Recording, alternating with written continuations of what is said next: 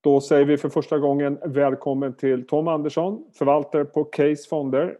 Hej Tom! Hej! Hur är, läget i Väx hur är läget i Växjö? Eh, det är bra. Ja. Eh, en, en eh, regnig dag, mild ja. sådan. Det är ganska milt här också. Du, jag tänkte vi ska prata lite räntor och lite företagsobligationer idag, för det är nämligen så att det är någonting som du är väldigt duktig på. Eh, om vi börjar med räntemarknaden, en liten, eh, din bild av eh, nuläget. Vi har ju en period där vi har sett långa räntor stigit under en period, nu har det liksom lugnat ner sig lite grann. Vi har dessutom centralbanker som eh, pumpar vidare och dessutom Yellen som förmodas bli ny finansminister. Det ska bli intressant att se vad det innebär. Vad, vad skulle du, hur skulle du beskriva nuläget på räntemarknaden? Ehm, jag skulle vilja beskriva det som så att det vi ser idag är att eh, även om långräntorna har gått upp lite grann, framförallt i USA, eh, från extremt låga nivåer så är vi ju fortfarande en bit kvar till vad vi var pre-covid. Mm. Ehm, så att det är väl inte helt orimlig tanke att det kommer fortsätta upp lite till. Eh, då pratar vi långräntorna. Korträntorna ser vi ingen större påverkan på ännu. Eh, och jag tror heller inte att, att eh, vi kommer få göra det under överskådlig framtid. För precis som du sa, här har vi centralbankerna. Eh, de fortsätter ju pumpa pengar, om än vissa i mindre omfattning. Eh, och eh, eh inflationen än så länge är ju under kontroll. Eh, och vi får se lite grann nu vad, vad eh, ECB säger i, idag. Ehm, jag, min gissning är att man börjar titta på specifika insatser på yieldkurvan. Mm. Ehm, man kommer inte släppa iväg ehm, eh, långräntorna allt för mycket utan då kommer man att agera. Så att ser positivt ut eh, generellt i marknaden tycker jag. Därmed så är det inte sagt att saker kan förändras. Men, men eh, just nu tämligen positivt. Vad säger du annars om just inflationen? Det har ju varit, eh, jag förstår det själv, ganska tyst om den ganska länge. Men vi har ändå liksom money supply har, har skjutit i höjden. Vi har höga statsskulder, centralbanker som, som eh, pumpar vidare än så länge åtminstone. Vad, vad ska man ha för förväntningar där? Eh, fruktansvärt svår fråga. Eh, personligen så, så, tycker jag ju att eh, rimligen så borde vi börja se inflation. Eh, USA har ju inflation. Eh, om än begränsad, men, men de har inflation. Eh, jag tror eh, det, det, som ska bli väldigt spännande att följa, för jag tror det är där man ska ha fokus framåt, eh, inte minst i USA, nu när gällen, om de får igenom det här programmet som, som eh, de vill ha så är det ju ofantliga summor. Ja. Eh, men, men, samtidigt så är det väl lite så som jag ser det i, i dagsläget att uh, Problemet idag är ju att det är som du sa, det är ju staterna som är skuldsatta. Eh, förr eller senare ska pengarna betalas tillbaka och det enkla är att de ska amortera. Det andra är att man försöker få igång BNP, få ner skuldkvoten. Det ser vi ju inte minst då i USA, de här programmen eh, ska göra. Eh, och det tredje är, vilket jag tror, man behöver ha draghjälp av inflation. Eh, vi ser ju att retoriken kring inflationsmålen har förändrats. Lite mer flytande. Så att jag, jag tror eh, att, att man kommer tillåta en lite högre inflation. Sen får vi se om, om den kommer. Ja, det blir spännande. Jag tänkte, jag utlovade att vi skulle prata lite företagsobligationer också. Jag tänkte att vi skulle fokusera på eh, huvudsakligen den svenska marknaden. Du skickade mig tre grafer som jag tänkte att vi skulle utgå ifrån. Den första visar på utestående volymer av företagsobligationer och det här är ju en remarkabel ökning vi har sett de senaste åren. Vad vill du säga om den utvecklingen? Kanske extra mycket fokus på hur det har sett ut senaste tiden, inte minst i spåren av eh, pandemin. Mm. Ehm, Eh, alltså, det här har ju blivit en, en större och större marknad. Eh, och eh, det vi, vi eh, vilket egentligen är ganska logiskt. Vi har ju legat lite på efterkälken i, i, i Sverige framförallt.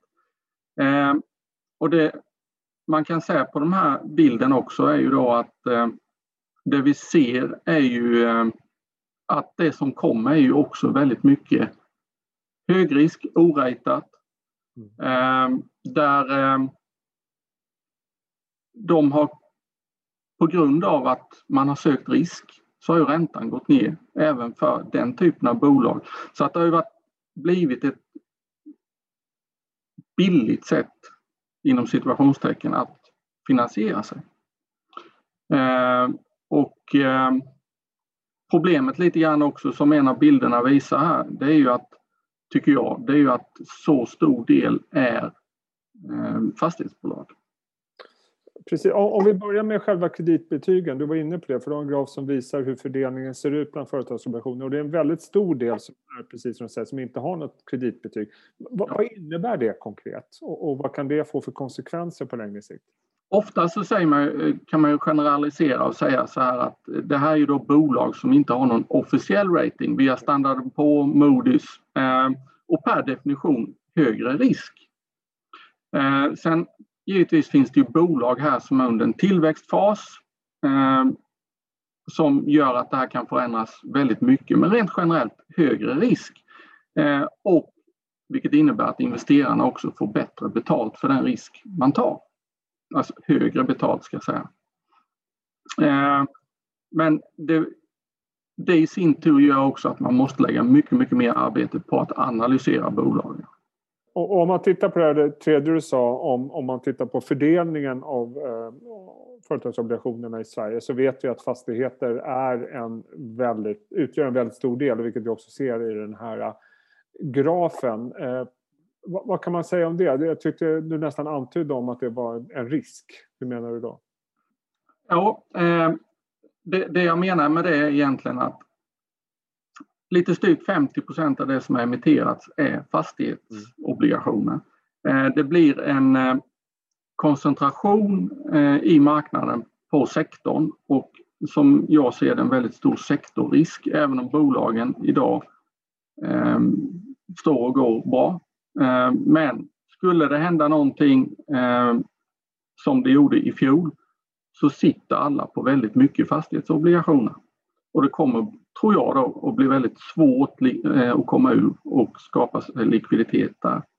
Och, för jag får ändå känslan när man, man backar bandet ett, ett knappt år så såg vi ju hur eh, fastighets, på aktiesidan föll väldigt kraftigt med, med mycket annat eh, självklart. Men att mm. det, det, uppstod i våras en, en liksom, kreditmarknaden frös nästan inne för, för att eh, tala klarspråk Sen har kreditmarknaden öppnats upp, det har blivit mycket bättre, det är många som vittnar om. Fastighetsaktier har rört sig uppåt, men ligger fortfarande, har inte hämtat igen eh, tappen som många andra sektorer har gjort. Hur förklarar du det? För ofta så brukar man kunna hänvisa fastighetssektorn tillbaka till just obligationsmarknaden och se vad som händer med räntor för att kunna förutspå framtiden för sektorn. Ja, eh, rena spekulationer från min sida. Eh, men om man tittar så tittar vi väldigt mycket på det man kallar loan to value. Eh, ser väldigt bra ut. Eh, det har kommit ner en del de sista åren trots att man har köpt mycket fastigheter. Så jag vet inte om, om, om aktiemarknaden kanske är lite räddare för ränteuppgångar ihop med mängden lån. Eh, ren spekulation. jag vet faktiskt inte men, men det är en tanke. Så du, du, antyder alltså att aktiesidan är mer pessimistisk än räntesidan? Det är väl den första gången i så fall? Ja, det är en av de första gångerna.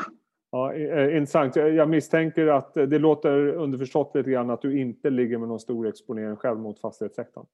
Nej, det är en av de sektorer som vi är kraftigt underviktade emot. Och det leder in eh, på nästa fråga. hur tänker du själv då kring investeringar? Hur, du vill vara positionerad med tanke på hur eh, förutsättningarna ser ut just nu? Ja, eh, vi har eh, istället då valt att ligga kraftigt överviktade financials, banker. Eh, vi har då valt en speciell del av bankernas upplåning. Eh, gamla obligationer som eh, man har valt att inte lösa in Eh, som kallas legacy eh, det här, när vi började köpa det här så köpte man varje krona för 60 öre. Eh, och det här är egentligen ett spel på att nu myndigheter, centralbanker eh, vill plocka bort det här kapitalet. Eh, och dessutom så har vi gjort så att vi har nischat in oss lite grann på obligationer som löper mot Libor. Och som du vet hade vi en Libor-skandal för ett antal år sedan. Eh, nu slutar väldigt många att ställa pris i Libor. Britterna till exempel har gått över till något som heter Sonja istället. Eh, och de här obligationerna har inget dokumenterat alternativ. Eh, och, eh, så att eh, det har varit eh, väldigt mycket spel på regelverk egentligen. Eh, och nu kom eh, EBA eh, i höstas och egentligen sa ta bort det här kapitalet. och då såg vi att det här är bra uppsidor. väldigt bra risk-reward, tycker vi. sen har vi valt att ha mycket euro-dollar säkra tillbaka saker till svenska kronor. Vi vill inte ha valutarisk men vi ser också att det har varit lättare att hålla en likviditet. Volatiliteten blir lite högre eh, men likviditeten bättre. Eh, avslutningsvis Tom, eh, jag uppfattar det som att det råder en väldig optimism eh, där ute trots allt som händer runt omkring, inte minst på aktiemarknaden. Men jag tycker även du sa att hos er så känns det optimistiskt. Vad ser du som de största riskerna, marknadsriskerna i närtid? De, en är ju en eventuell uppgång i inflation. Ehm, jag tror eh, ur ett ränteperspektiv där, vi ser, där jag ser stora risker det är att man går för långt ut durationsmässigt. Ehm, samtidigt så börjar man ju mer och mer fundera att nu står ju alla stjärnorna rätt. Vi har löst Brexitfrågan, vi har ett vaccin på gång, covid, ehm, vi har haft val som är klart i USA och centralbankerna fortsätter att stödja marknaderna vad är det som kommer flygande som vi inte ser? Mm. Ehm, det har gått lite för fort tycker jag eh, så här långt på året. Ehm, även om alla är positiva med, med förväntningar på BNP, eh, vinsttillväxt och så vidare. Jag tror vi kommer få se ett, någon händelse under året som, som kommer att stöka till det lite grann. Ja, eh, det blir intressant att följa. Ännu ett spännande år givetvis. Eh, Tom, det var väldigt kul att, att, få prata med dig för första gången. Jag hoppas att vi gör om det lite längre fram. Mm. Eh, och önskar dig en fortsatt trevlig eftermiddag och eh, trevlig helg. Ja, tack detsamma. Tack så mycket. Hej. Tack, hej.